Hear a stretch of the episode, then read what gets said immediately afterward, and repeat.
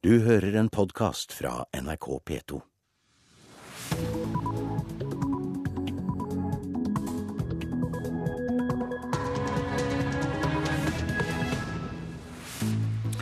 Klokka er 6.30 torsdag 30. mai. Øystein Heggen tar deg gjennom Nyhetsmorgen.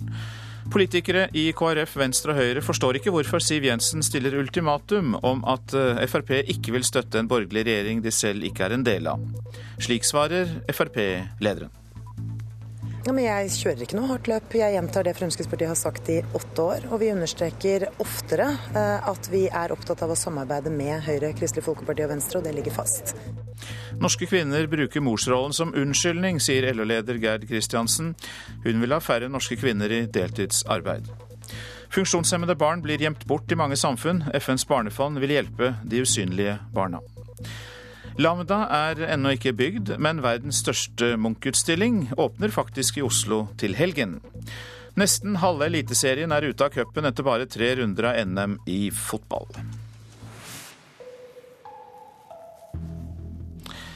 Ja, I KrF, Venstre og Høyre stiller sentrale kilder seg uforstående til Siv Jensens valgkampstrategi, og fortsatt ultimatum om at Frp ikke vil støtte en borgerlig regjering de selv ikke er en del av.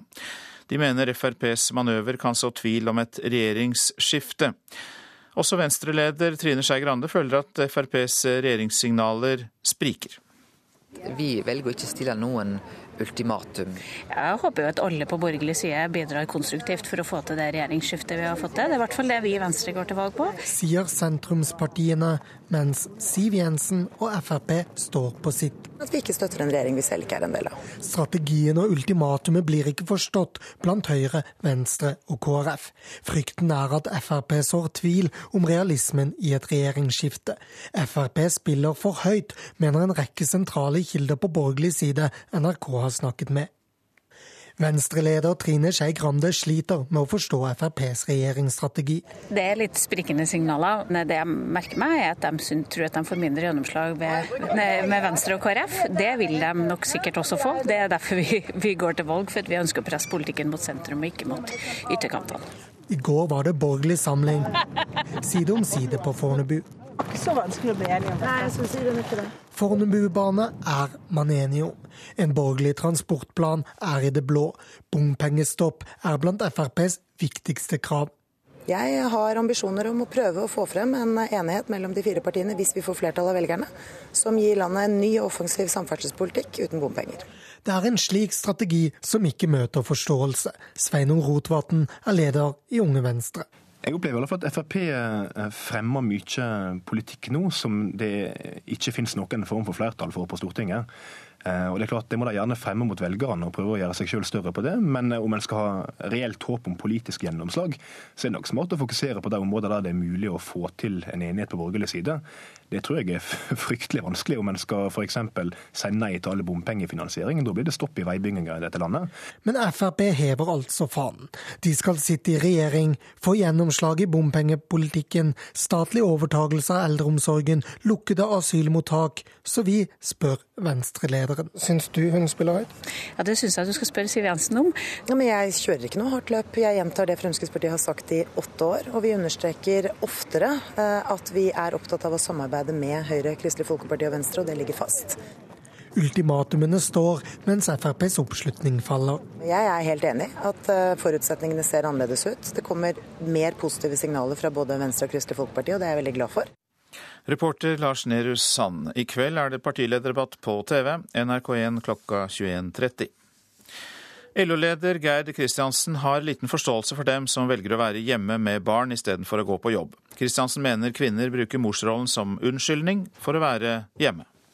Gerd Kristiansen erklærte da hun tok over som LO-leder at kampen mot deltid er hennes viktigste jobb. Til Aftenposten sier hun i dag at 37,5 times uke er så lite at det fremdeles er god tid til å være sammen med barna sine.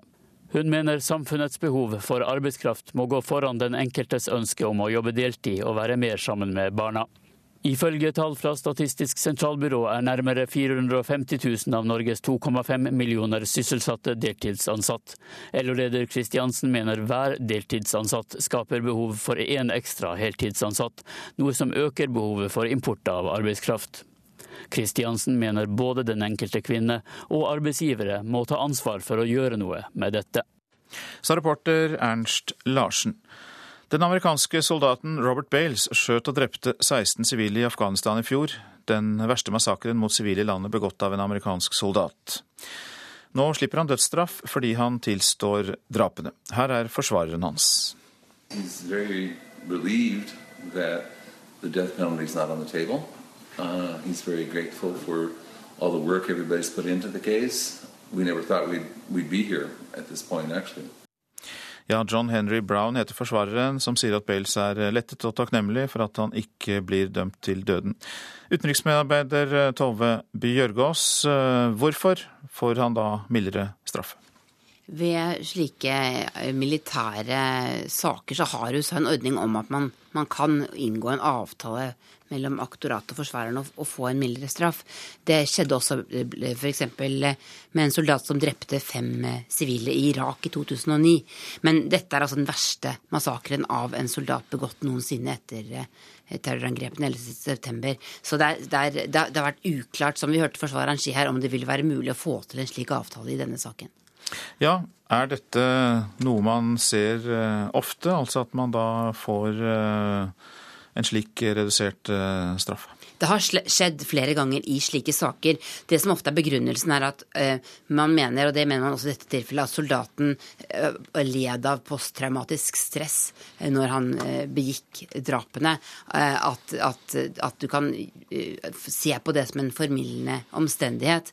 Men normalt sett så er det altså dødsstraff når når du dreper så mange mennesker. Vi eh, kan jo se litt på denne saken. Altså, det var jo 16 sivile som ble drept, og Bales forlot da basen i Sør-Afghanistan midt på natten og angrep beboerne i en landsby. Vet vi noe mer om hvorfor han gjorde det? Han sier at han, at han var gal da han gjorde det. Eh, og, og, han var altså på sin fjerde eh, rotasjon, fjerde reise til, ut i, i krigen i Irak og Afghanistan. Eh, og det har vært eh, mye diskutert også i amerikansk presse, dette stresset på amerikanske soldater. Men det rettferdiggjør selvfølgelig ikke å ta seg inn i en afghansk landsby midt på natten og drepe 16 eh, mennesker, og de fleste av dem var altså barn. Hva har reaksjonene vært i Afghanistan? De har vært svært sterke. De var så sterke at, eh, at USA faktisk stanset alle kampoperasjoner i Kandahar-provinsen etter at dette skjedde i, i to uker.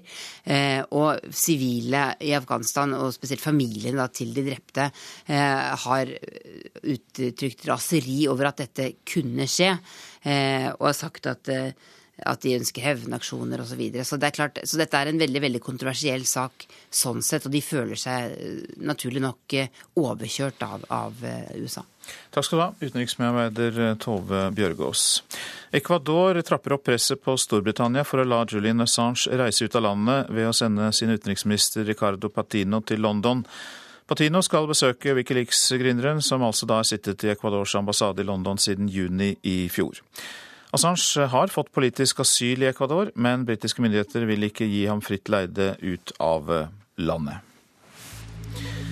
Jeg skal si litt om avisene. Frykt for norsk oljesmell er oppslaget i Dagens Næringsliv. Investoren Dag Rasmussen frykter at eh, oljeprisfall kan få dramatiske konsekvenser for hele den norske økonomien. Full strid i Arbeiderpartiet om Munch er oppslaget i Dagsavisen. Nestleder Helga Pedersen hyller avtalen i Oslo, mens eh, Libe Riber Moen i Oslo Arbeiderparti foreslår et nytt alternativ for Munch-museum. Tiggerne i Kristiansand kan få tak over hodet hele året, skriver Fedrelandsvennen.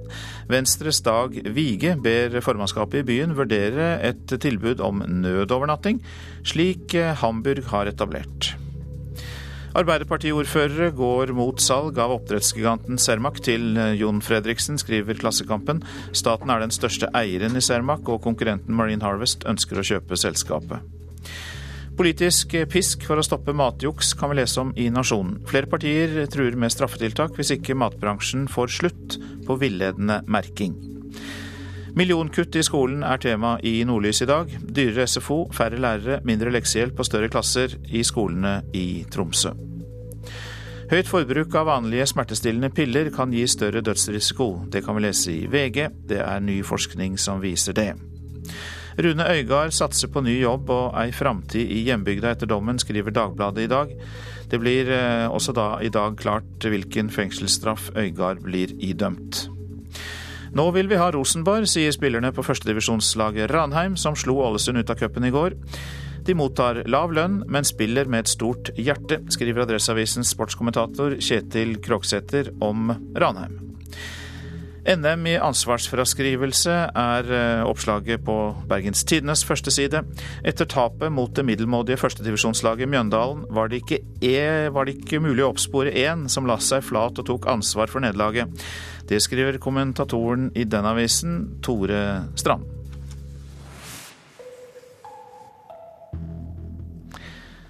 Funksjonshemmede barn blir gjort usynlige i mange samfunn. Det viser årets eh, tilstandsrapport fra Unicef, State of the World's Children. 93 millioner barn lever med nedsatt funksjonsevne. Mange blir gjemt bort og stengt ute fra samfunnet helt fra fødselen.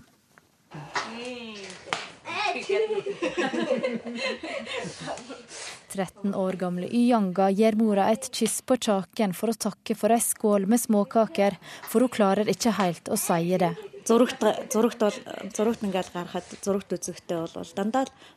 Hun er som mange andre jenter på sin alder. Hun elsker å danse og kan se på fjernsyn i timevis, forteller mora. De bor i en liten landsby nord i Mongolia.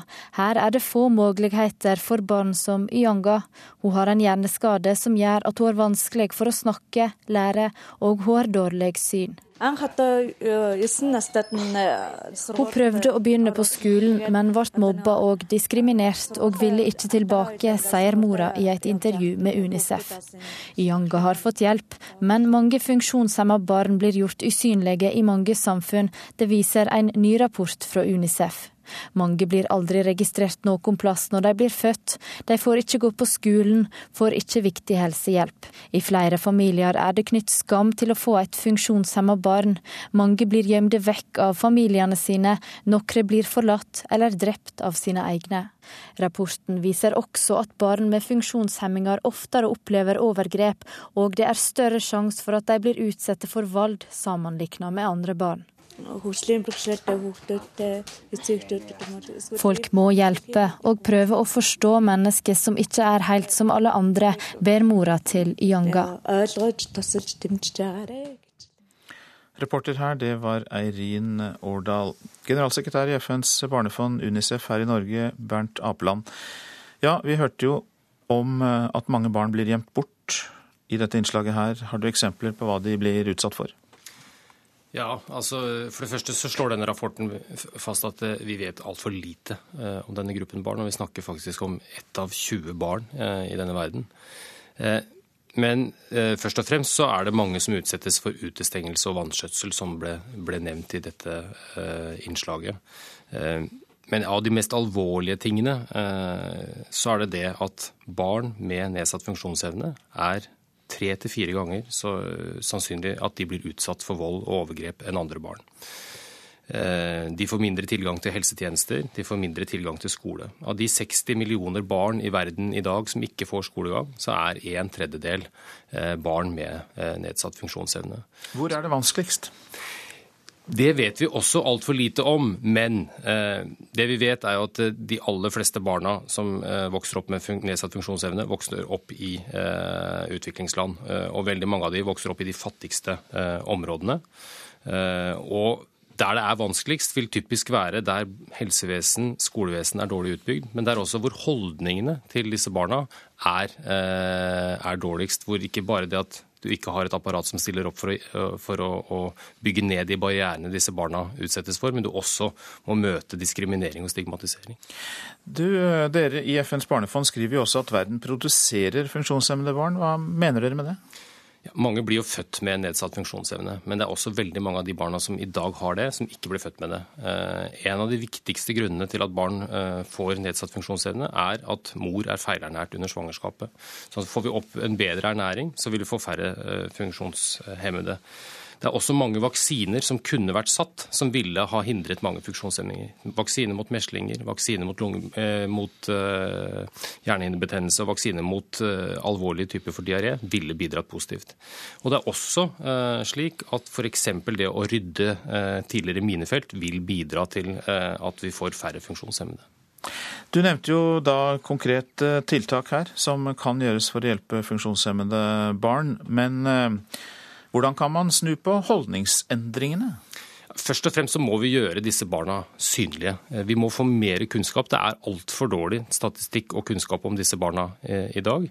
Men det viktigste av alt er at vi må begynne å se barnet og ikke funksjonsnedsettelsen. Dette er ikke problemer som skal reddes, dette er barn med unike talenter og ressurser.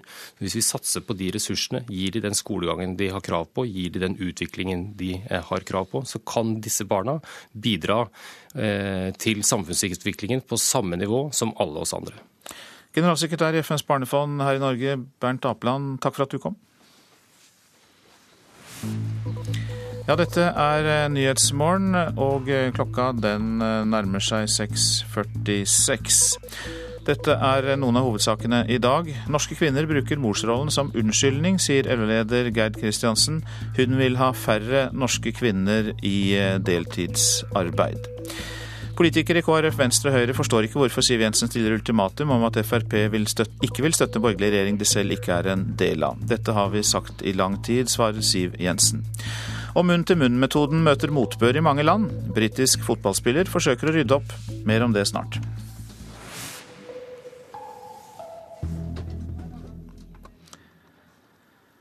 Men først om fotball. Fire lag fra øverste divisjon ble slått ut av cupen i går. Nå er nesten halve Eliteserien ute etter bare tre NM-runder.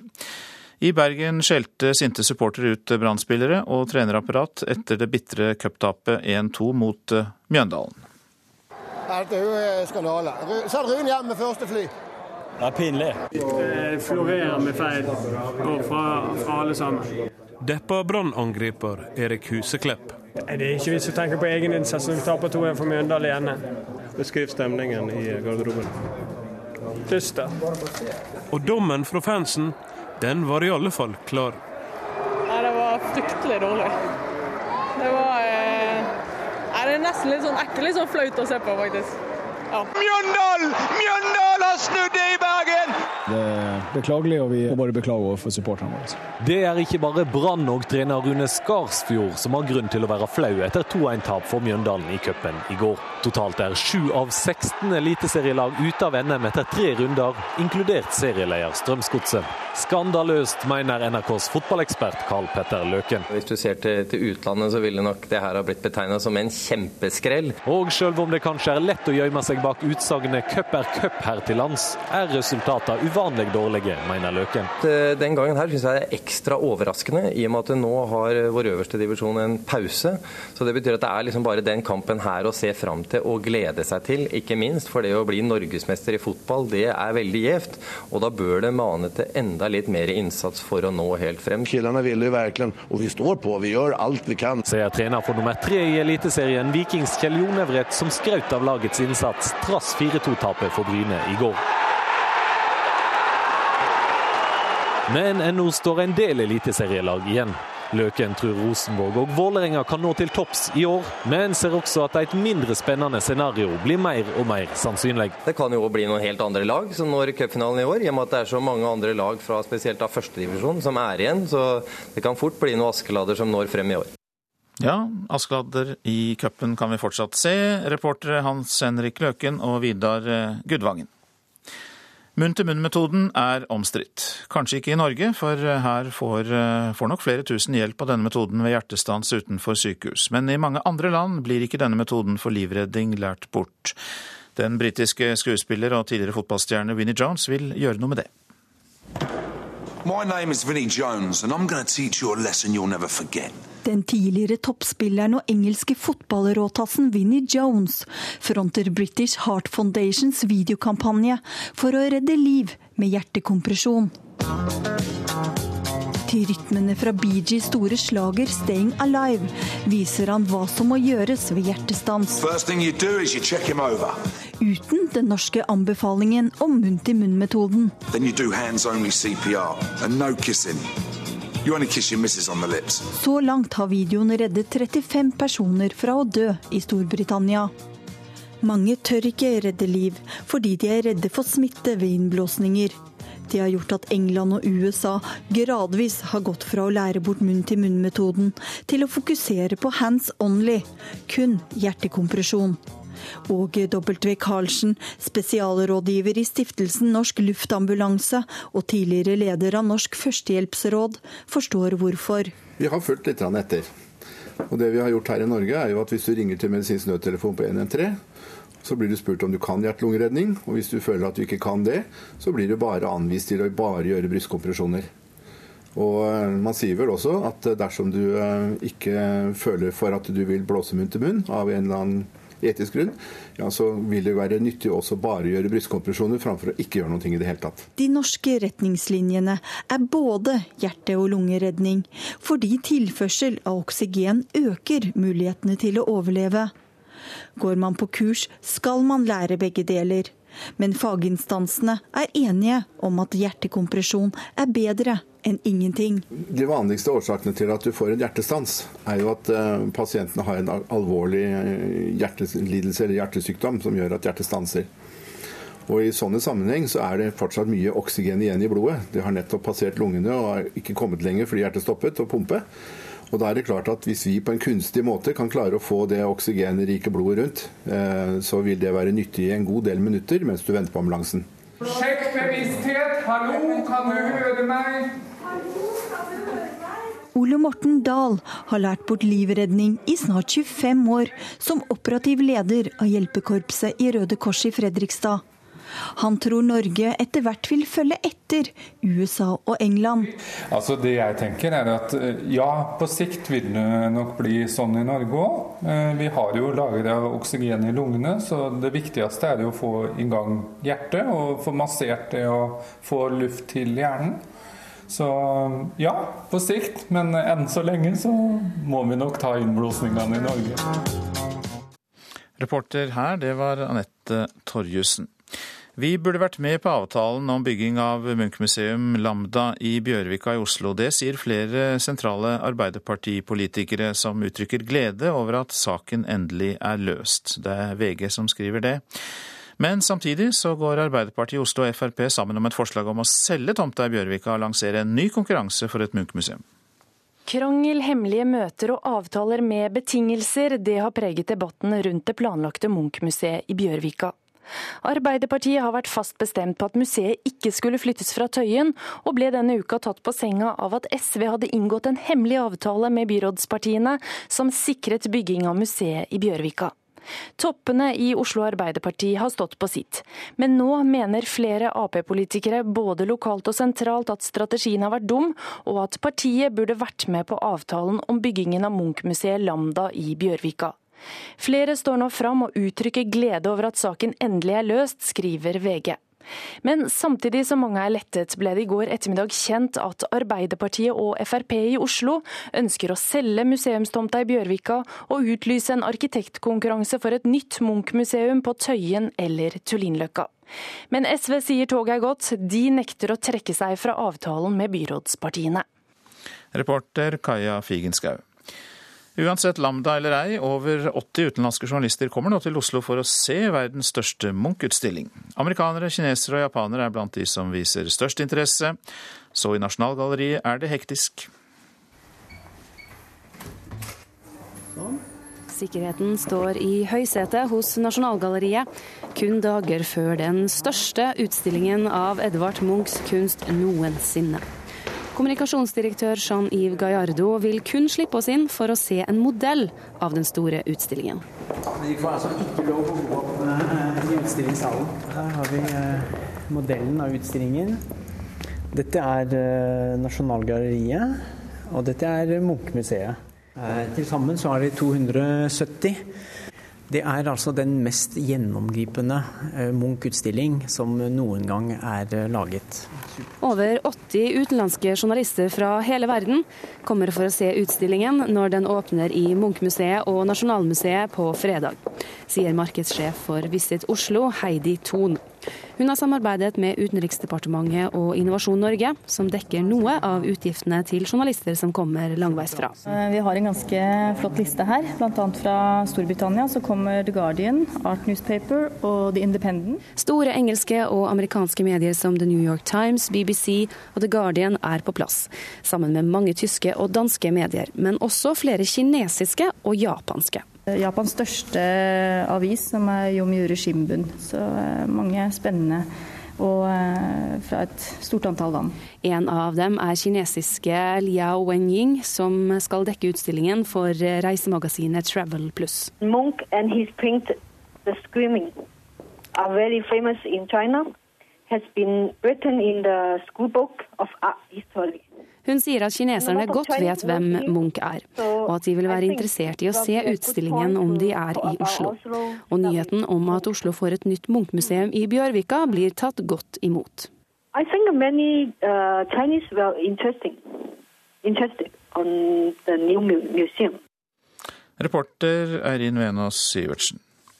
Det er en skjebnedag for Rock City. Kommunestyret i Namsos skal i dag avgjøre om rockesenteret får leve videre, og varaordfører Kjersti Tommelstad fra SV tror de kommer til å redde rockesenteret. Per dags dato så tror jeg det er det. Jeg tror det er bare Frp som har tydelig signalisert at de ikke vil føre Rock City videre. De andre signaliserer ulike løsninger på hvordan, ut fra det signalene jeg har eh, fått med meg. Rock City i Namsos skulle bli det nasjonale ressurssenteret og bransjesenteret for pop og rock i Norge. Senteret åpnet med brask og bram 11.11. i 2011, med legendene fra Prudens på scenen og fire statsråder til stede. Over ett år senere skjønner ikke musikkbransjen helt hva Rock City skal være, og økonomien er preget av underskudd og mye rot. Og Namsos kommune har garantert for både husleieavtale og lån som Rock City har tatt opp. Nå vil politikerne også overta styringen av selskapet, og vil bruke 3,7 millioner kroner på å kjøpe alle aksjene, forteller Kjersti Tommelstad. Den er eh, et skritt for å få rydda på plass, sånn at vi får en løsning som kan håndteres på litt mer langsiktig perspektiv enn det her helt eh, fra dag til dag-beslutningene som de siste månedene har vært prega av. Selskapet hadde i fjor et underskudd på over 10 millioner kroner, og klarte ikke å betale husleie til Namsos kommune. Åtte av de 13 ansatte er allerede sagt opp, og nå må Rock City bevise at de har livets rett. Rock City må sette inn alle krefter på å ta det nasjonale mandatet. Og sikre seg at de virkelig blir det nytenkende fundamentet for kompetanse og utvikling av bransjen. I Namsos er mange frustrerte over kommunens pengebruk i Rock City-saken. Kommunen har garantert for husleia i bygget hvor Rock City holder til i 20 år. Og de skal bidra med over 2 millioner kroner i tilskudd hvert år. I tillegg har de garantert for et lån på 20 millioner kroner for Trønderrockmuseet eller opplevelsessenteret. Nå håper de andre kan overta dette senteret, som har kostet over 40 millioner kroner. Vi tenker sånn så at det må restruktureres, eh, og så må vi finne ut hva som svarer til de her ulike beskrivelsene av hva et museum og et kunstmuseum skal være, og så må vi tenke nye løsninger. Så uansett om Rock City slås konkurs eller ikke i kveld, Namsos kommune må uansett betale regningene i mange år framover. Det påvirker kommunens økonomi eh, til en viss grad. Det blir jo penger som du kunne ønska deg brukt på andre områder. Eh, samtidig så har vi jo de forpliktelsene, og det kan vi jo ikke løpe fra. Eh, selv om Rock City blir slått konkurs, så har vi jo fortsatt de forpliktelsene. Eh, og da uten at vi får noen leieinntekter fra Rock City. Varaordfører i Namsos, Kjersti Tommelstad, reporter Espen Sandmo. Så et værvarsel. Østafjells og fjell i Sør-Norge først. Varierende skydekke, enkelte regnbyger. Få byger i vest først på dagen. Lokal torden. Vestlandet sør for Stad stort sett opphold. Fra i ettermiddag nordvest bris. Enkelte regnbyger. I kveld kan hende med torden. Gløtt av sol. Møre og Romsdal og Trøndelag stort sett pent. Fra i ettermiddag sørvest bris på kysten. Enkelte regnbyger i indre strøk, kan hende med torden. I ytre strøk fortsatt stort sett pent vær. Nord-Trøndelag og Helgeland, Saltfjellet, Salten og Ofoten pent vær. Lofoten og Vesterålen mulighet for tåke på yttersida, ellers pent. Troms og Finnmark pent vær, men tåke på kysten kan det bli vest for Nordkapp. Nordensjøland på Spitsbergen litt regn eller sludd. Så tar vi for oss temperaturene som ble målt klokka fem i natt. Svalbard 0, Kirkenes 8, Vardø 7, Alta 13. Tromsø-Langnes 9, Bodø 16, Brønnøysund 18, Trondheim-Værnes 15, Molde og Bergen-Flesland 14 grader. Stavanger 13, Kristiansand-Kjevik hadde 12 grader, Gardermoen 13, Lillehammer 14, Røros 10 grader. Og Oslo-Blindern 14 grader.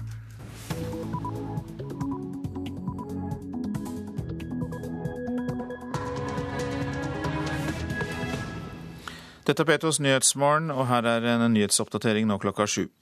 Fra neste år vil du ikke lenger få statlige brev i postkassa. Staten slutter med papirbrev og vil bare sende post elektronisk. Det kan bli en utfordring for mange eldre som kanskje vil reagere slik. Å nei, det er ingenting for meg. Kort og godt svar fra 87 år gamle Trygve Davidsen.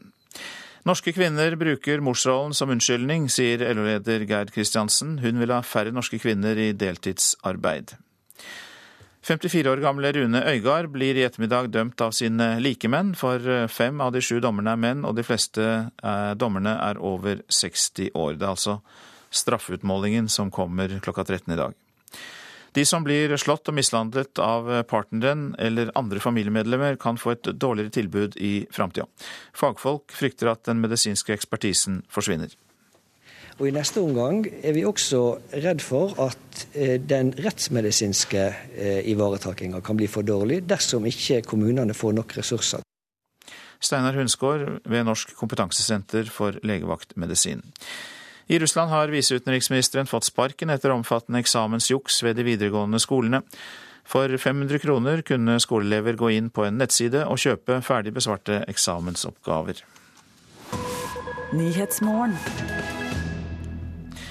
Postkassen erstattes av innboksen. Staten slutter å sende vanlige brev til oss fra neste år. Nå blir det bare elektronisk post. Én av tre nordmenn liker det dårlig, men nå må de be om unntak fra reglene for fortsatt å få papirbrev fra staten, Nav og kommunen. 87 år gamle Trygve Davidsen tror det blir vrient for mange eldre. Jo, det, vi må jo finne oss i den fremtiden som, som ligger foran oss. Men det er klart at uh, det ville være en oppgave for, for oss eldre å kunne sette seg inn i det, i hvert fall over natten.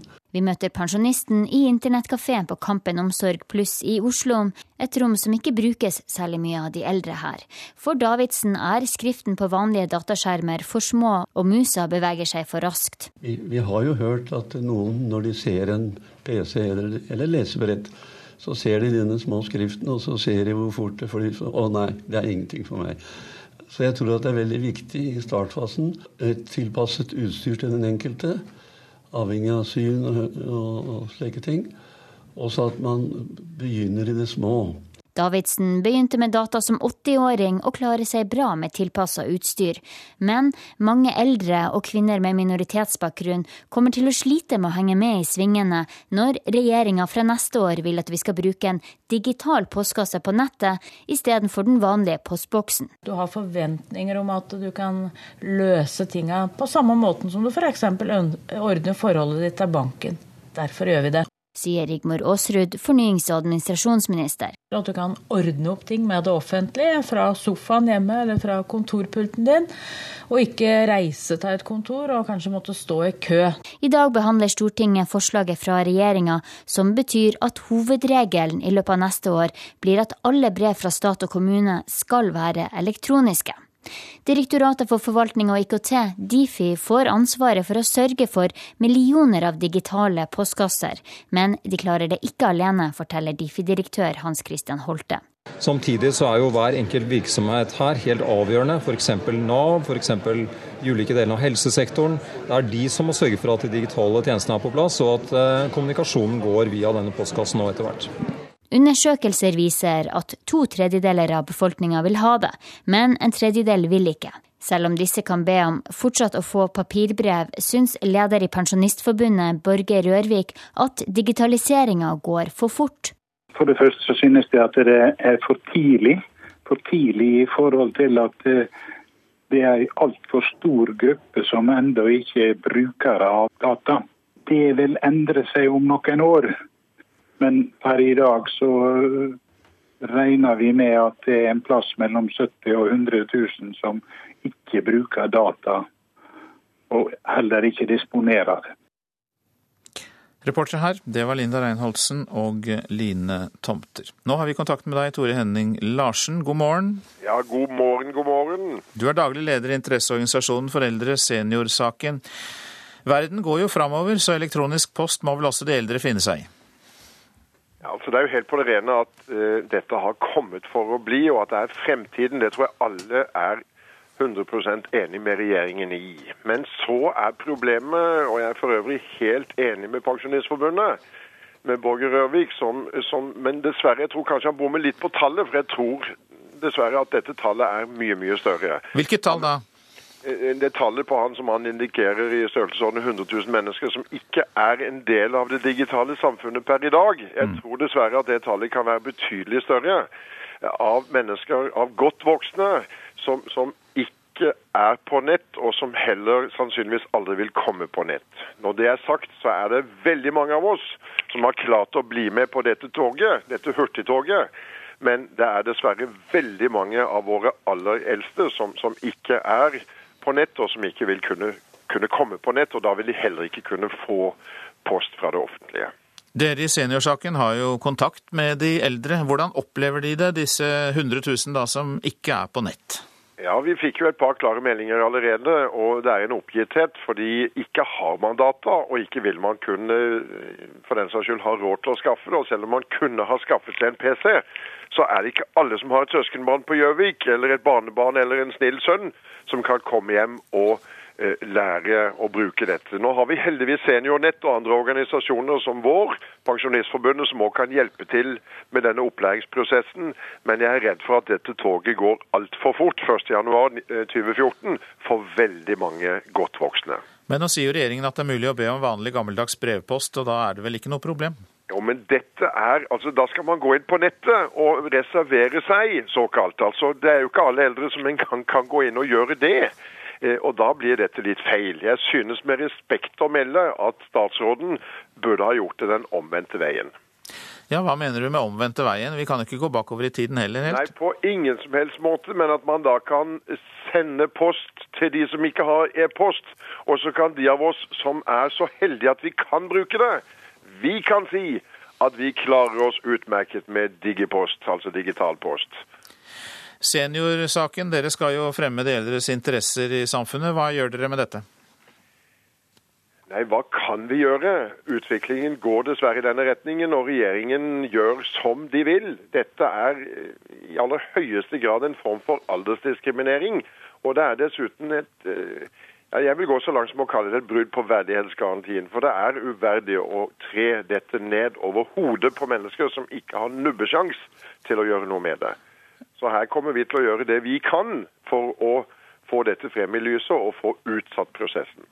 Ok, Takk skal du ha, Tor Henning Larsen, som altså da er daglig leder i interesseorganisasjonen for eldre, nemlig Seniorsaken. Så har vi fått inn en melding om at Joakim Rønning og Espen Sandberg, som regisserte Kon-Tiki, skal lage den neste Pirates of the Caribbean-filmen. Det er Aftenposten som melder det nå på morgenen. Avisa siterer ja, nå skulle nesten tro at vi hadde fått en telefon fra USA om dette, men det har vi altså ikke. Det var vel en som ikke var lagt på ordentlig. Men vi fortsetter. Det melder Aftenposten nå på morgenen. Avisa siterer nettstedet Hollywood Reporter, som melder det. Den femte Pirates of the Caribbean-filmen skal etter planen ha premiere om to år. Og som vanlig så er det Johnny Depp som skal spille hovedrollen. Og så gjentar vi da altså at da er de norske regissørene Joakim Rønning og Espen Sandberg som har fått oppdraget. LO-leder eh, Geir Kristiansen har en liten forståelse for dem som velger å være hjemme med barn istedenfor å gå på jobb. Du mener at kvinner bruker morsrollen som unnskyldning for å være hjemme, kan vi lese i Aftenposten i dag. Og da har vi fått eh, tak i deg. Geir Kristiansen, du er med på telefonen. Og hva legger du i nettopp det du sier til Aftenposten? Nei, Det jeg legger det jeg sier til Aftenposten, det er at arbeidslivet har behov for hver en eneste arbeidstaker. Og det at uh, veldig mange jobber deltid, er ikke bra for det norske samfunnet. det, vi har bruk for alle ute i arbeid. Og det med deltidsarbeid eh, bør bli unntaket og ikke, og ikke hovedregelen. Men man kan jo også si at eh, deltid eh, kan være bra for noen av de barna som har moren sin hjemme, da? Ja det, kan, ja, det kan man si, men da handler det om at mor har tatt et bevisst valg i forhold til å, til å være hjemme, og vet hva hun utsetter seg sjøl for i forhold til det å være ute av arbeidslivet. Hvilket signal ønsker du da å gi til norske kvinner ved å si at uh, de faktisk da um, velger å uh, Ved at de bruker morsrollen som unnskyldning? Altså, det, det, det som gjøres nå, syns jeg er å, å snu hele diskusjonen om arbeidslivets behov for arbeidskraft og kvinners behov for å ha ei, en selvstendig, en selvstendig eh, rolle og ha et eh, selvstendig økonomisk grunnlag å kunne leve for. Det, det at, eh, at morsrollen i enkelttilfeller brukes til å hegne om revir, ja det tviler ikke jeg et sekund på. Men, men det er ikke det som er hovedsaken her. Eh, selv om, selv om Aftenposten har brukt det som heading i eh, i avisa si i dag. Nei, for hovedsaken din den er da at det skal eh, bli langt, langt færre som eh, jobber deltid. Det er det du vil ha fram? Ja, det er det jeg vil ha fram. Og jeg vil også ha fram at det samfunnet vi lever i i dag, har tilrettelagt for at hele den voksne befolkninga skal være i arbeid i, full, i fulltid. Men så har vi jo det med at uh, å jobbe deltid kan jo også være en frihet som noen vil benytte seg av, og at det nærmest uh, legges et press på dem for å legge den delen av sitt liv, nemlig hjemmelivet, bort til fordel for arbeidslivet, selv om de ikke ønsker det selv. Ja, men, men, jeg tror at dette er viktig. Jeg tror at det er viktig at den enkelte innbygger i, i Norge og den enkelte arbeidsgiver tar ansvar for å få flest mulig ut i arbeid, også kvinnene. Du sier også at 37 eh, timers arbeidsuke er bare litt over eh, et døgns arbeidstid, altså det vi jobber per uke. Så da er det god tid til å være sammen med barna sine likevel? Ja, Det er jo en realitet at vi jobber 37,5 timer i uka, og at det er litt over et døgn. Og det er litt med, litt med å se at, at uh, den tidsklemma som veldig, veldig mange lever i, ikke handler, om bare, ikke handler om bare jobben, men det handler om så mye, mye mer. Tidsklemma den er også inkludert det man ønsker å gjøre på fritiden og andre aktiviteter, ja, ja. går jeg ut ifra? Ja, den gjør nok det. Ok, takk for at du ble med oss på morgenen, Geir Kristiansen, som altså er eh, LO-leder, og som kom det med dette utspillet som vi kan lese om i Aftenposten i dag. I ettermiddag faller dommen mot den tidligere ordføreren i Vågå, Rune Øygard. 54 år gamle Øygard blir dømt av sine like menn, for fem av de sju dommerne er menn fra 60 år og oppover. Eidsivating lagmannsrett beklager den skjeve sammensetningen. Forrige onsdag falt kjennelsen i ankesaken til Rune Øygard, mannen som i mange år ble kalt Norges mest populære ordfører, med et enormt kontaktnett helt til topps i makteliten. Lagretten har på ære og samvittighet gitt følgende svar på de spørsmål som er stilt. Spørsmål 1 nei. Spørsmål 2 ja, med flere enn seks stemmer. Øygard ble altså frikjent for å ha forgrepet seg på den unge jenta før hun fylte 14, men kjent skyldig i seksuelle overgrep etter at hun var blitt 14 år gammel. I dag offentliggjøres det hvor lang fengselsstraff Øygard får, og hvor mye han må betale i erstatning til jenta. De som bestemmer det, er tre fagdommere og fire meddommere. Fem av de syv er menn, og fem av de syv er ca. 60 år eller eldre. Førstelagmann Sverre Nyhus i Eidsivating lagmannsrett sier det er problematisk at det bare er godt voksne menn blant fagdommerne som skal utferdige straffen mot Øygard. Nei, det er beklagelig at vi ikke fikk til en bedre kjønnsbalanse og i og for seg også en bedre alderssammensetning. Årsaken til skjevhetene er ifølge Nyhus at de kvinnelige dommerne ikke har nok erfaring. Men med tiden vil det bli bedre, hevder Nyhus. På juridiske fakultetene så er det også nå en overveiende del kvinnelige studenter, slik at uh, om noen år så løses dette problemet av seg selv, tror jeg. Reporter her, det var Geir Rød. Og uh, straffutmålingen mot Øygard den kommer klokka 13 i ettermiddag. Dette er Nyhetsmorgen, og klokka den går mot 7.15. Vi har disse hovedsakene. LO-leder Geir Kristiansen har liten forståelse for kvinner som velger å være hjemme med barn i stedet for å gå på jobb. Hun vil kjempe for mindre deltidsarbeid, som vi hørte nettopp. Staten slutter med papirbrev neste år, og vil bare sende post elektronisk.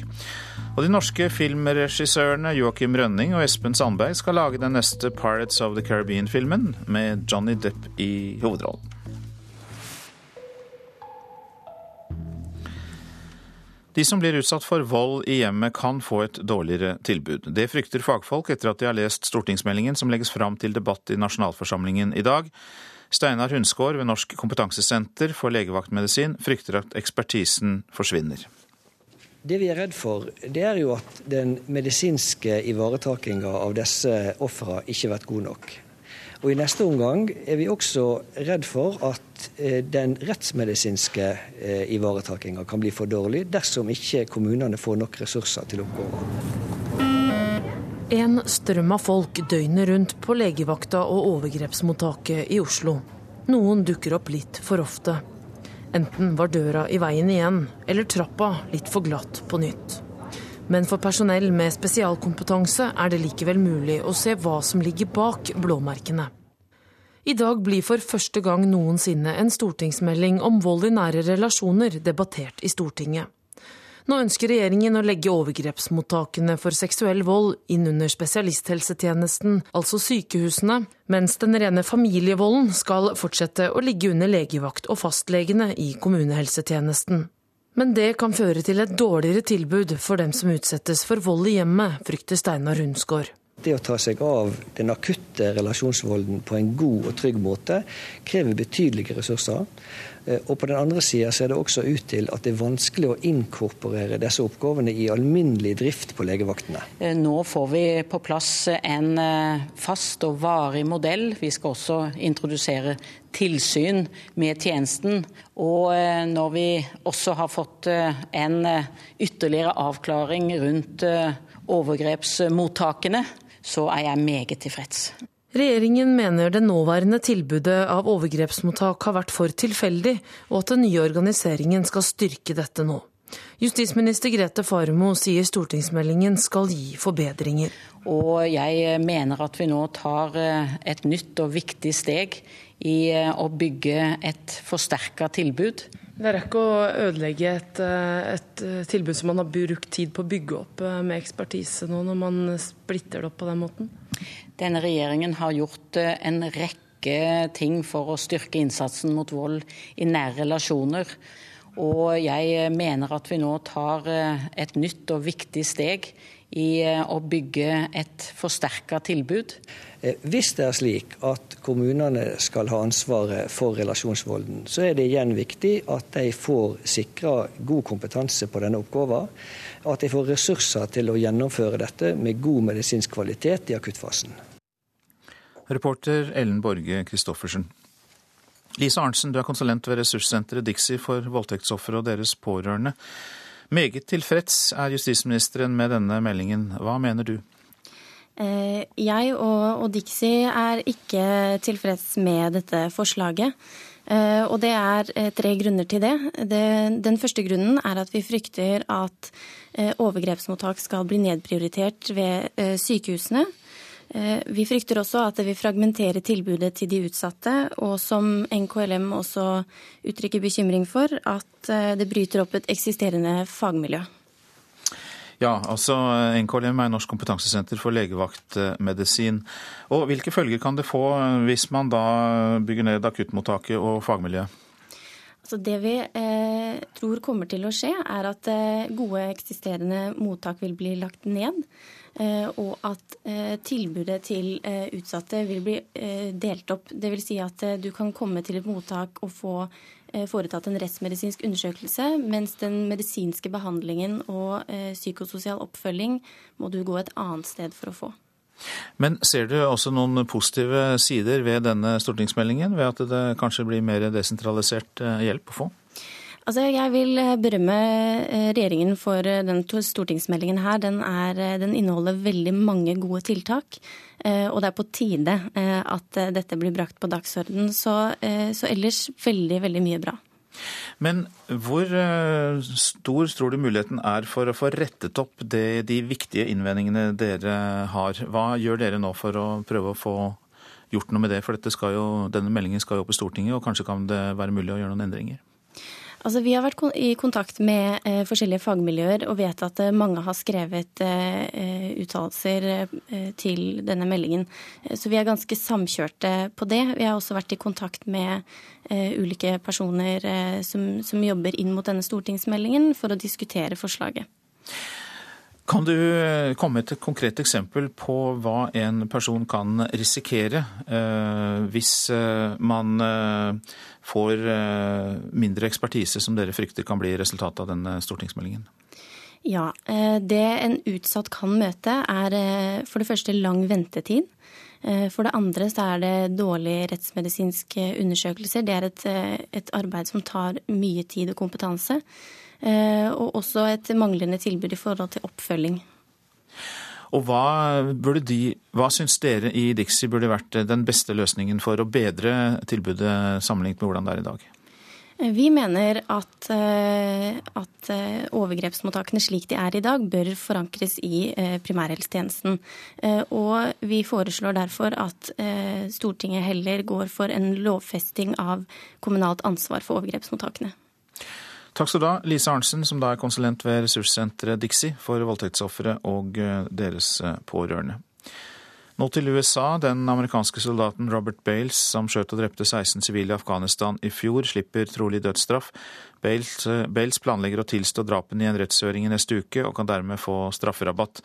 Massakren i Kandahar-provinsen er den verste som ble utført av en amerikansk soldat siden krigen mot terror startet.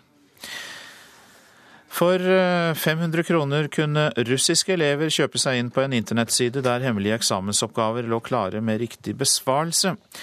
Viseutenriksministeren har fått sparken etter det omfattende eksamensfusket ved de videregående skolene i Russland. Og Moskva-korrespondent Hans-Wilhelm Steinfeld, du er med oss. Ja, I hvilke fag kunne man kjøpe seg en god eksamen? Ja, i går var det matematikk.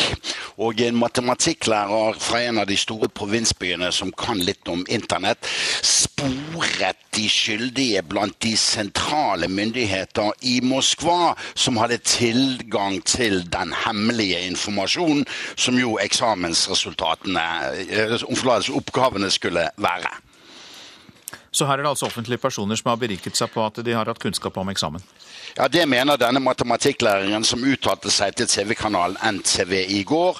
Og i de eh, regioner der de nå kan påvise at slikt fusk har forekommet, blir eksamen annullert. I tillegg så har veldig, veldig mange russiske artianere kjøpt små øreproppsendere, slik at de via sine smarttelefoner kunne ringe opp eh, ved hjelp av SMS og få hjelp utenfra under eksamen. Så det ruller voldsomme skandaler ut nå knyttet til nettopp eksaminasjon i Russland. Også russisk språk har vært lekket på denne måten. Og så er det slik at Viseministeren for vitenskap også er sparket. Hva er, knytt, hva er årsaken til det? Jo, det er den unge Igor Fedjukin. I fjor høst kom det frem at svært mange både kandidatoppgaver og doktorgrader er forfalsket. Han skulle lede oppryddingen i dette arbeidet. Men da 30 nye doktorgrader ble avslørt som falske bare nå i mai, så fikk han sparken, slik at Utdannings- og vitenskapsministeriet er det politisk mest omstormede i Russland nå. Ut ifra de nyhetene vi har fått i dag, Hans Wilhelm Steinfeld, så virker det jo som om det er eh, kaos, i hvert fall. Eh, problemer både når det gjelder eh, videregående utdanning og høyere utdanning. Ser man i det hele tatt noen mulighet for å få orden på tingenes tilstand? Ja, I går kveld fikk Vitenskapsakademiet valgt en ny president. Det er den 67 år gamle tidligere vitenskapsminister under president Jeltsin, Vladimir Fartov. Han er imidlertid knapt mannen i en alder av 67 år til å så å si reise kjerringa, for Vitenskapsakademiet er den største autoritet her i Russland.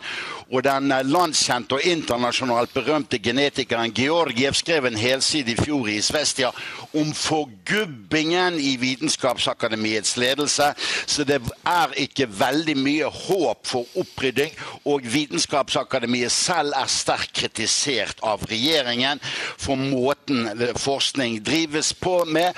Og de fem, eh, bare de fem universitetene i Russland som kommer blant de 40 beste internasjonalt, kan regne med økt økonomi økonomisk støtte fra staten. Takk skal du ha, Hans-Wilhelm Steinfeld, eh, som rapporterte da fra Moskva. Så til avisene. Frykt for norsk oljesmell er oppslag i Dagens Næringsliv. Investoren eh, Dag Rasmussen frykter at eh, et oljeprisfall kan få dramatiske konsekvenser for hele den norske økonomien. Full strid i Arbeiderpartiet om Munch er oppslag i Dagsavisen. Nestleder Helga Pedersen hyller avtalen, mens Liber Iver Moen i Oslo Arbeiderparti foreslår et nytt alternativ for Munch-museum. Tiggere i Kristiansand kan få tak over hodet hele året, skriver Fedrelandsvennen. Venstres Dag Vige ber formannskapet i byen vurdere et tilbud om nødovernatting, slik Hamburg har etablert. Høyt forbruk av vanlige smertestillende piller kan gi større dødsrisiko, kan vi lese i VG. Det er ny forskning som viser det. Rune Øygard satser på ny jobb og ei framtid i hjembygda etter dommen, skriver Dagbladet. I dag blir det klart hvilken fengselsstraff Øygard blir idømt. Nå vil vi ha Rosenborg, sier spillerne på førstedivisjonslaget Ranheim, som slo ut Ålesund av cupen i går. De mottar lav lønn, men spillerne har et stort hjerte, skriver Adresseavisens sportskommentator Kjetil Krogsæter om nettopp førstedivisjonslaget Ranheim.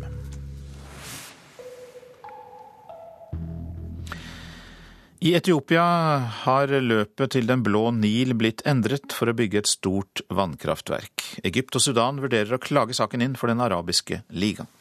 Egypts president Mohammed Morsi hadde knapt rukket å komme hjem hit til Kairo etter sin deltakelse på jubileumstoppmøtet i Den afrikanske unionen i Etiopias hovedstad Addis Abeba, før nyheten kom. Etiopia har begynt å endre løpet på Den blå Nilen. Sjokkerende og overraskende, sier en kilde i det egyptiske utenriksdepartementet til den statseide avisen Al-Haram, mens talsmenn for Egypts regjering og president forsøker å berolige og si at dette ikke endrer situasjonen nevneverdig. Hva er det egentlig som foregår? Etiopiske myndigheter sier de har endret løpet av elven for å kunne bygge sin gigantiske renessansedam. Men når dammen er ferdig, skal elven tilbake til sitt opprinnelige løp. Det er et prosjekt som, når det blir ferdigstilt, skal kunne gi strøm tilsvarende seks atomkraftverk. Det er planlagt å koste mellom 25 og 30 milliarder kroner, og er en del av et større prosjekt i landet for å utnytte Nilen mer. Etiopiske myndigheter hevder dammen bare er for kraftproduksjon, og at den dermed ikke vil endre noe på forbruket av vann. Men det er her skoen trykker for Egypt, og også for Sudan, begge nedstrømsland og fullstendig avhengige av Nilen. Uten Nilen vil det ikke være mulig å bo i Egypt. Resten av landet er ørken, og landet har nytt godt av fordelaktige avtaler fra den britiske kolonitiden som gir Egypt rett til brorparten av vannet. Den siste avtalen ble undertegnet i 1959, og mange av oppstrømslandene med Etiopia i spissen vil gjerne reforhandle dagens avtalesystem. Men Egypt, som i dag får 55 milliarder kubikkmeter vann fra Nilen, lider allerede av vannmangel, og hva verre er, befolkningsveksten er høy, og de vil trenge enda mer vann i framtiden. President Mohammed Morsi kan derfor ikke framstå som svak på spørsmål om Nilen. Dette dreier seg om liv eller død i mer enn metaforisk forstand. Derfor er myndighetene i Egypt så opptatt av å ikke overdrive betydningen av det som nå skjer. Men endringene av Den blå Nilens løp kommer bare dager før en rapport om renessansedammen forfattet av eksperter fra Etiopia, Sudan og Egypt skal offentliggjøres. Det er ventet at den vil, igjen ifølge al-Haram, både vil gi uttrykk for bekymring for konsekvensene for nedstrømslandene og for måten dammen er bygget på. Det er frykt for lekkasjer og sprekker som vil kunne skape stor flom og ramme alle de tre landene. Tidspunktet for Etiopias beslutning om å endre elveløpet viser uansett at de ikke har tenkt å la seg presse, og det er muligens starten på et historisk maktskifte. Spillet om Nilen i det 21. århundre er bare så vidt i gang. Sigurd Falkenberg Mikkelsen, Kairo. Toppmøtet mellom EU og Russland er tema for reportasjen etter Dagsnytt. Prosent for Nyhetsmorgen, Ulf Danes Fjell. I studio, Øystein Heggen.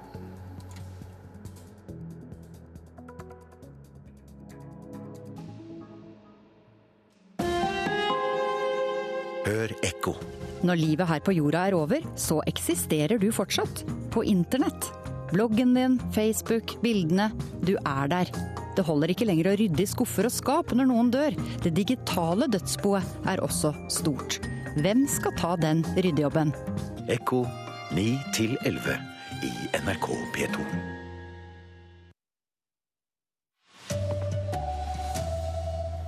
Norske kvinner bruker morsrollen som unnskyldning for å slippe å gå på jobb, det mener LO-lederen. Snart er det slutt på papirbrev fra stat og kommune. Seniorsaken er kritisk. Og etter fire runder i er halvparten av eliteserielagene i fotball ute av cupen. Her er NRK Dagsnytt, klokka er 7.30. LO-leder Gerd Kristiansen har liten forståelse for kvinner som velger å være hjemme med barn i stedet for å gå på jobb. Kristiansen mener de bruker morsrollen som unnskyldning for å være hjemme. At, eh, at morsrollen i enkelttilfeller brukes til å henge numrerier, ja det tviler ikke jeg et sekund på. Gerd Kristiansen erklærte da hun tok over som LO-leder at kampen mot deltid er hennes viktigste jobb. Til Aftenposten sier hun i dag at 37,5 times uke er så lite at det fremdeles er god tid til å være sammen med barna sine. Ja, Det er jo en realitet at vi jobber 37,5 timer i uka, og at det er litt over et døgn. Og det er litt med, litt med å se at, at uh, den tidsklemma som veldig, veldig mange lever i, ikke handler, bare, ikke handler om bare jobben, men det handler om så mye, mye mer. Hun mener samfunnets behov for arbeidskraft må gå foran den enkeltes ønske om å jobbe deltid og være mer sammen med barna. Arbeidslivet har behov for hver en eneste arbeidstaker. Og det at uh, veldig mange jobber deltid, er ikke bra for det norske samfunnet. Det, vi har bruk for alle ute i arbeid. og det med deltidsarbeid uh, bør bli unntaket og ikke, og ikke hovedregelen. Ifølge tall fra Statistisk sentralbyrå er nærmere 450 000 av Norges 2,5 millioner sysselsatte deltidsansatt. LO-leder Kristiansen mener hver deltidsansatt skaper behov for én ekstra heltidsansatt, noe som øker behovet for import av arbeidskraft. Kristiansen mener både den enkelte kvinne og arbeidsgivere må ta ansvar for å gjøre noe med dette. Jeg tror at det er viktig at den enkelte innbygger i, i Norge og den enkelte arbeidsgiver tar ansvar for å få flest mulig ut i arbeid, også kvinnene. Reporter her, det var Ernst Larsen. Fra neste år vil stat og kommune slutte å sende ut brev på papir. Dersom du fortsatt vil ha papirbrev fra det offentlige, så må du selv be om det. Leder i seniorsaken Tore Henning Larsen mener dette vil ramme de eldre hardt.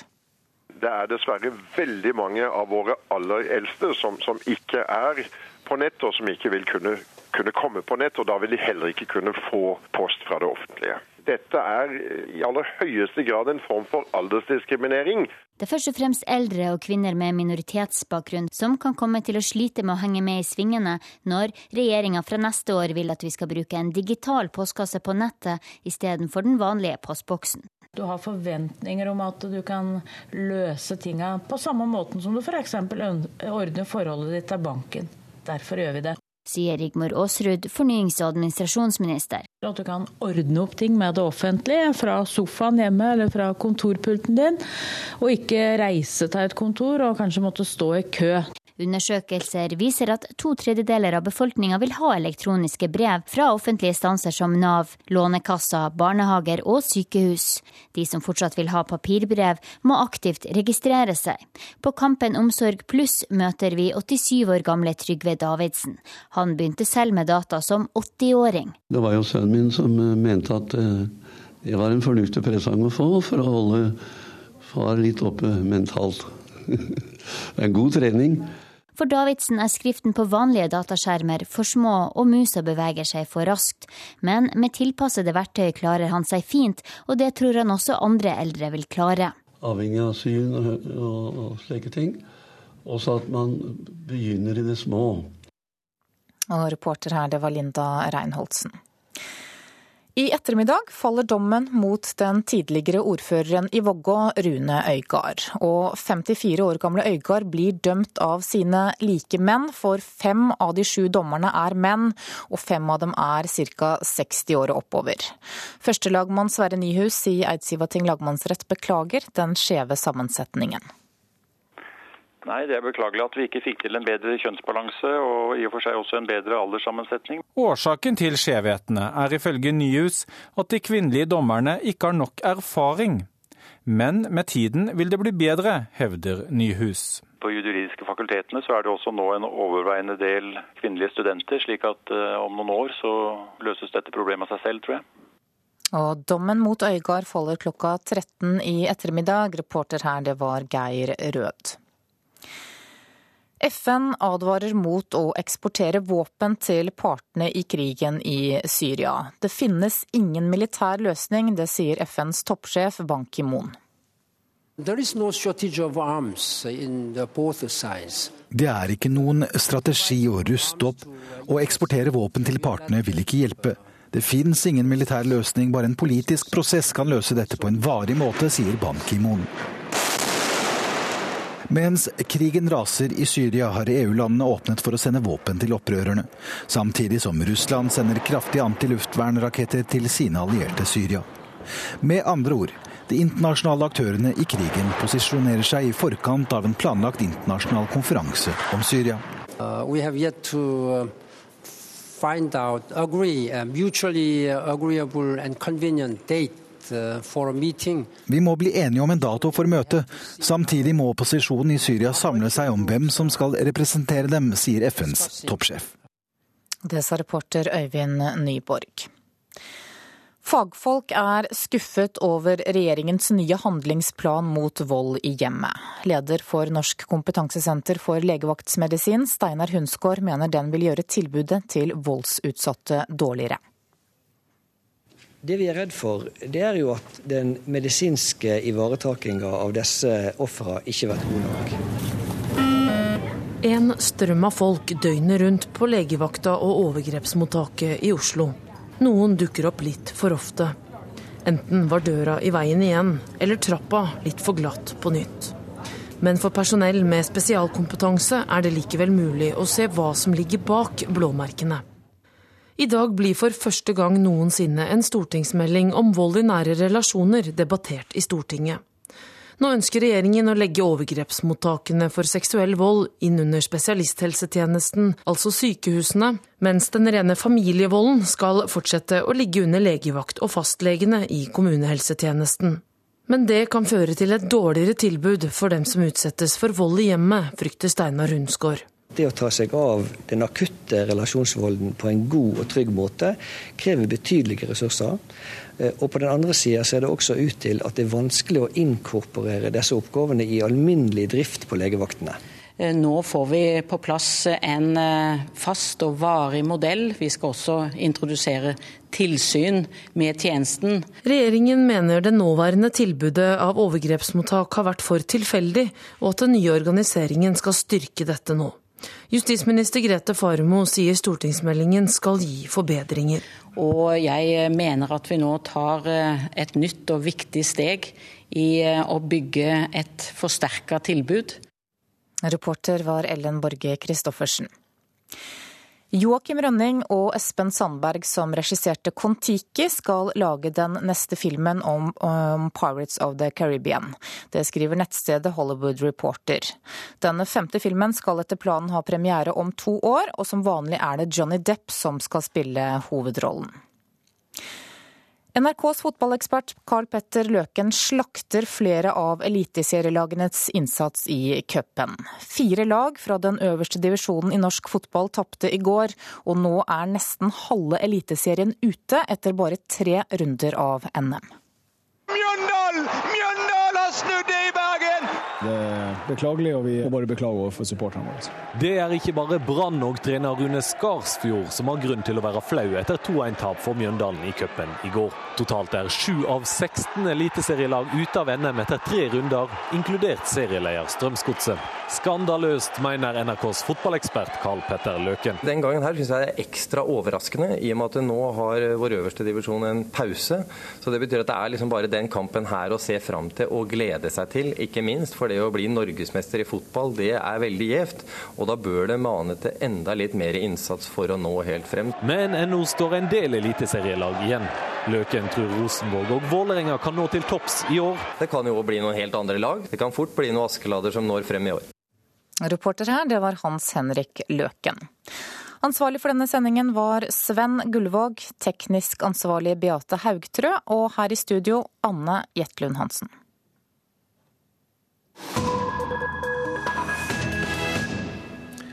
Nyhetsmorgen går videre med forholdet mellom EU og Russland, for det er toppmøte i Jekaterinburg ved Uralfjellene i neste uke. Visumfrihet med EU er førsteprioritet for Russland, sier president Vladimir Putin. Nei, det vil ikke skje snart, svarer EU, og slik beskrev presidenten for Europakommisjonen, José Manuel Barroso, forholdet mellom EU og Russland da han besøkte Moskva i mars.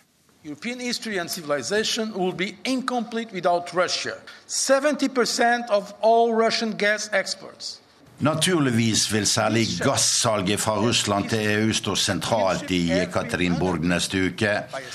Men her i Moskva fikk Statoil vite denne uken fra en fremtredende russisk energianalytiker at russerne også er nær en avtale om gassalg til Kina nå i juni. Imidlertid har Kina og Russland forgjeves forhandlet i 15 år om å bygge et russisk gassrør til Kina. Og russisk presse har skrevet at Kina vil gjøre seg uavhengig av russisk gass innen 2020. Så enkelt blir det ikke for Russland å spille Kina ut mot EU i Borg neste uke, når gassleveranser og energitrygghet for EU kommer opp på dagsordenen. For Vladimir Putin er imidlertid visumfrihet med EU det sentrale. Spørsmålet har lenge stått på Putins dagsorden, og foran toppmøtet med EU neste uke, sier Russlands president. стран, с которыми ЕС имеет безвизовый режим. Отсутствие свободного общения между людьми сдерживающий фактор в развитии наших экономических отношений. Jeg sitter med en lang liste stater som EU har visumfrihet med. Og fravær av bevegelsesfrihet mellom mennesker nå er det som holder tilbake utviklingen av økonomisk samkvem mellom oss, sier Vladimir Putin. Og minner om at stater selv i Mellom-Amerika og Karibia nå har visumfrihet med EU. I prinsippet er EU enige om at visumfrihet mellom Russland og Den europeiske union må være målet, men altfor mye synkronisering av lover på russisk side gjenstår til at visumfrihet mellom EU og Russland kan komme nå. Sist EU-kommisjonens president José Manuel Barrosa var i Moskva for to måneder siden, sa han det diplomatisk slik. Long-term vision is a common economic and human space from Lisbon to Vladivostok. With free travel of people. This is our long-term vision. Toppmøtet mellom EU og Russland i Ekaterinburg lover heller ikke noe gjennombrudd i synet på hvordan Syria-konflikten kan løses foran den planlagte konferansen i Genéve om Syria i juni. Denne uken anklaget Russland EU for hykleri fordi EU ikke forlenget våpenembargoen overfor opposisjonen i Syria. Men Russland vil selv selge luftvernraketten S-300 til Assad-regimet i Syria som hjelpemiddel mot utenlandsk intervensjon, en klar advarsel til USA. Dette våpensalget kan lett også bringe Russland i konflikt indirekte med Israel, en stat president Putin har et godt forhold til også. Utsiktene til noe hurratoppmøte mellom EU og Russland i Ekaterinburg ser altså magre ut, men det er i hangene snører på en annen politisk arena mellom Russland og Vest-Europa. 20. mai møttes president Putin og Europarådets generalsekretær Torbjørn Jagland i Sotsji. Russerne røpet da at de vurderer å opprette en økonomisk stiftelse som skal støtte ikke-statlige organisasjoner her i Russland, som Amnesty International og Helsingforskomiteen. For disse stemples nå som utenlandske agenter i Russland dersom de mottar pengestøtte fra utlandet, i henhold til en ny og svært omstridt lov i Russland. Moskva-korrespondent Hans-Wilhelm Steinfeld. Dette er Nyhetsmorgen, dette er hovedsaker. Norske kvinner bruker morsrollen som unnskyldning for å slippe å gå på jobb, mener LO-lederen. Hun vil ha mindre deltidsarbeid blant kvinner. Regjeringens plan mot vold i hjemmet vil gjøre tilbudet til ofrene dårligere, frykter fagfolk. Og de norske Kon-Tiki-regissørene Joakim Rønning og Espen Sandberg skal lage den neste Pirates of the Caribbean-filmen. I går kom de fire borgerlige partiene med en smakebit på hva slags endringer som kommer med nytt flertall, en eh, Fornebubane. Men eh, programleder for Politisk kvarter, Bjørn Myklebust, hvor mange mye forandres Norge med en borgerlig regjering? Min ene gjest tror det skjer skuffende lite. Den andre tror det skjer skremmende mye. Og jeg tror min tredje gjest har planer om å sitte i den regjeringen.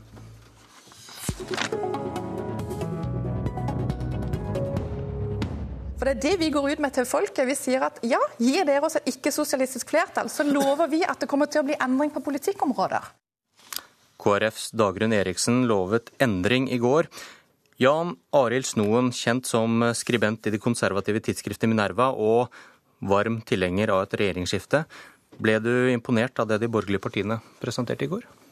Nei, men det var jo noe. Det er ganske lett å bli enig om å bruke mye mer penger på noe, da. Det er når du skal prioritere at det blir vanskelig. I, i, i går så skrev du mine forventninger til en ny regjering er små, men større enn null. Her er en liste. Er du en pessimist? Jeg, jeg, tror ikke det kommer til å skje så veldig mye. Vi utga et nytt nummer av Minerva i går, og der står på forsida hva om vi fikk historiens blåste regjering og ingen merket forskjell. Eh, så dette var et forsøk på å si at eh, så ille er det ikke. Det er tross alt en del som kommer til å skje, eh, men det er ikke så mye som man skulle tilsi, man skulle tro, fordi dette kan bli en veldig blå regjering. Så er det jo også sånn at jo blåere regjeringen blir, jo flere, færre partier som skal sitte i den jo større sjanse er det for at det blir større endringer. Altså Hvis det blir et flertall av Høyre og Frp, så blir det nok en lengre liste enn jeg har. Men Du, du, du har da prøvd å lage en liste. og Kan du ta, mhm. ta noen av de sentrale punktene på hva du tror det kan bli flertall for? Altså, En ting som eh, vil endre seg, er synet på offentlig versus privat i forhold til, eh, til konkurranse- og tjenesteutsetting, f.eks. Altså i skole, helse og omsorg. Også noen privatiseringer. Eh, for der er Stoltenberg er ganske pragmatisk i forhold til dette, men han har LO og SV å tenke på. Eh, så der kommer det nok til å bli endringer. altså Det blir mer bruk av private, bl.a. i helsevesenet. Eh, og det kommer til å få noen endringer i jordbrukspolitikken og, og på uhjelp. Men hvis KrF skal være med, så blir det veldig lite på det området også. Eh, det kommer kanskje noen endringer i asylpolitikken. Litt avhengig av det samme poenget, hvor mange er som skal være med her. Og vi får noen endringer i finansieringen av veiprosjekter. Ehm, og så får vi se om det får stor praktisk betydning. Men ditt hovedpoeng da er at det er ikke flertall på borgerlig side for de store endringene? Nei, de borgerlige partiene eh, går ikke til valg for, eh, med et program for å endre Norge vesentlig. Fordi de tror at det er ikke det det er etterspørsel etter. Det de tror er at det er etterspørsel etter nye ansikter til å videreføre stort sett den politikken som er i dag. Et gammelt ansikt, Martin Kolberg, parlamentarisk nestleder i Arbeiderpartiet. Gjest nummer to som tror det kommer til å skje skremmende mye med en ny regjering? Ja, jeg hører på det som blir sagt her, og eh, jeg har to betraktninger rundt det. Eh, det første er å si at det er jo, og det ser vi tydeligere og tydeligere, veldig uklart på sett og vis eh, hva slags regjering vi får. Vi hører mye uenighet, vi hører store avstander. Men jeg tror vi skal legge til grunn, eller jeg ikke tror, jeg mener vi skal legge til grunn at enten så fortsetter vår regjering, den rød-grønne regjeringen ledet av Arbeiderpartiet, eller så blir det en Frp-Høyre-regjering. Det er det som er de realistiske alternativene. Eh, og eh, det jeg hører fra Snoens side her, og fra Minervas side, det er eh, ikke bare en, en politisk betraktning, men det er først og fremst det jeg vil kalle for et forsøk igjen fra disse tenketankene på å tåkelegge hva det egentlig handler om. Bevisst? Eh, ja, dette tror jeg er et bevisst utspill fra Minervas side på å si at dette er ikke egentlig så farlig. For det er jo det de sier hele tiden. De forsøker å legge seg så tett opp til den norske modellen som overhodet mulig. Men det er jo ikke eh, riktig. Hvor, hvor, Fordi, hvor, tar han feil, da, helt konkret? Han tar feil på at virkningen av den politikken som de borgerlige partiene nå sier de vil føre, F.eks. det vi fikk presentert på Fremskrittspartiets landsmøte, at den norske modellen står i veien for befolkningen og er en modell som egentlig ikke hører fremtida til. Men er det flertall for det, da? Ja, det ville være flertall for, i den forstand at de vil gå inn for privatisering, nedbygging av offentlig sektor på flere områder, og på den måten skape et helt ny utvikling i det norske samfunnet. Og vi må huske på hva politikken til syvende og sist handler om. Det er forutsetningen for at folk skal ha det bra i sine liv og i hverdagen. Og vi har bygd et trygt, godt norsk samfunn fordi vi har hatt en sterk offentlig sektor, hvor vi har hatt en fin og ordentlig, skikkelig skattefinansiering, og hvor vi har hatt et trepartssamarbeid som særlig Fremskrittspartiet utfordrer på alle måter.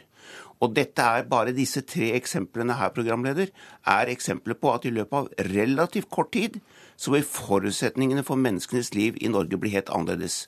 Og jeg respekterer fullt ut at uh, høyrepartiene vil dette. Det er jo det de vil. Det er dette de har stått for historisk. De har kjempet imot denne utviklingen historisk. Det har Høyre gjort. De forsøker å tåkelegge det nå ved hjelp av både Minerva og Civita. Og det har Fremskrittspartiet aktivt sagt i sine 40 år. Og Derfor så er det helt klart at her står vi overfor et systemskifte. Og blir det en Høyre- og Frp-regjering, så vil jo Frp få veldig mange viktige statsråder. Og det er helt åpenbart, og det forstår jeg fullt ut, at de ikke går inn i dette bare for å videreføre dagens politikk, men for å representere et tydelig systemskifte. Det vil folk komme til å merke. Et tydelig systemskifte, men du driver med bevisst tåkelegging, Snoen? Altså Hvis Kolberg mener at, at, Minerva gjør det til en slags konspirasjon med Erland Solberg, så kjenner han oss dårlig. Eh, vårt budskap hele tiden, og særlig mitt budskap, er at vi trenger et klarere Høyre-alternativ. Så vi etterspør det, og vi kritiserer Høyre for at de ikke kommer med det. Eh, vi vil gjerne ha et alternativ som gjør det lettere for Kolberg å angripe Høyre. Eh, og Det er det som er vår, vår, vårt anliggende. Ikke å bagatellisere eller tone ned. Eh, så vi vil ha tøffere høyrepolitikk, eh, og det vil du også være tjent med. Og det har vel noen sagt ofte, ofte Kolberg, at han vil ha en tøffere Erna Solberg. Jo, men hvis vi leser den artikkelen som han da skrev, og som er utgangspunktet for denne samtalen, som jeg selvfølgelig har gjort før denne, for dette programmet, så ser vi jo at de konstruksjoner han lager som forutsetninger for at det ikke blir noen forandringer, de, være, de er ikke realistiske overhodet. Og det vet Minerva. De er meget oppegående og kan sakene veldig godt. Og de har laget en konstruksjon for å lage inntrykk av at her blir det ikke nødvendige forandringer. Jeg sier det kommer til å bli vesentlige forandringer i det norske samfunnet. Det kommer til å bli vesentlige forandringer for menneskene i hverdagen. For forutsetningene for fellesskap og trygghet, det vil bli svekket på en helt avgjørende måte med en ny regjering. Jeg tror min tredje gjest har planer om å sitte i den regjeringen. Velkommen, Ketil Solvik-Olsen, nestleder i Fremskrittspartiet. Takk. Dere sier høyt at hvis det skal bli vesentlige endringer, ikke bare en Jens Light, så må Frp i regjering. Tar Snoen feil om hva det er mulig å få til? Snoen er nok litt for pessimistisk. På samme måten som Kolberg alltid velger å karakterisere motparten negativt uansett hva som foreslås. Fremskrittspartiet og en ny regjering kommer ikke til å være farlig for dette landet, som, som Kolberg sier. Det er jo bare tull. Eh, og vi ønsker jo å forbedre hverdagen til folk, ikke forverre den. Men vi tror på litt andre virkemidler enn det Kolberg tror på. Vi tror at skatte- og avgiftspolitikken betyr noe for næringslivets konkurranseevne, for om du stimulerer folk til å jobbe vi tror at politikken som føres i regjering betyr noe for om du faktisk klarer å få flere folk ut i jobb, eller om du fortsetter å øke antall personer som er uføretrygda, sånn som vi har sett under de rød-grønne. Vi tror det betyr noe om du tillater at private aktører i tillegg til et godt offentlig helsevesen er med og, sørger for at eh, sykehuskøene reduseres og ikke fortsetter å økes. Og på samme måten, Vi tror at et systemskift når det gjelder måten du finansierer ny eh, vei- og jernbaneutbygging på, gjør at du kan bygge mer vei med lavere kostnader, fordi at du tenker større strekninger. Du finansierer dette over flere år istedenfor til ett og ett år, der du ser at når du kommer på slutten av året, så er pengene brukt opp, og så går ting for halv maskin. Det er den type forbedringer folk vil se. At vi har større respekt for folks skattepenger, og ikke bare tenker hvor mange som jobber i offentlig sektor, men at vi gir dem verktøy til å jobbe mer effektivt. Men, men, men litt mer enn null eh, er Snoens forhåpninger. Hvor er det han tar feil, da? Hva kommer ja. i tillegg som det er flertall for? Jo, altså, jeg Skal Fremskrittspartiet inn i regjering, så er det jo fordi at du faktisk gjør en forskjell. For, for, at vi klarer å løse mange av de problemene som fortsatt eksisterer, til tross for rekordhøye skatteinntekter til norske stat, til tross for rekordhøye utgifter på statsbudsjettet. Men hva kan det, hva kan det være borgerlig flertall for utover det Snoen har på lista si? Vi har jo sett masse på det. Altså, Frivillighets-Norge vil kunne få helt andre rammebetingelser, fordi at vi ser på Frivillighets-Norge som en viktig del av måten samfunnet fungerer på, ikke bare som et supplement der staten ikke strekker til. Det handler om hvordan du ser på skatte- og avgiftspolitikken. Fremskrittspartiet vil ha store skatte- og avgiftslettelser, Høyre litt mindre, KrF litt mindre.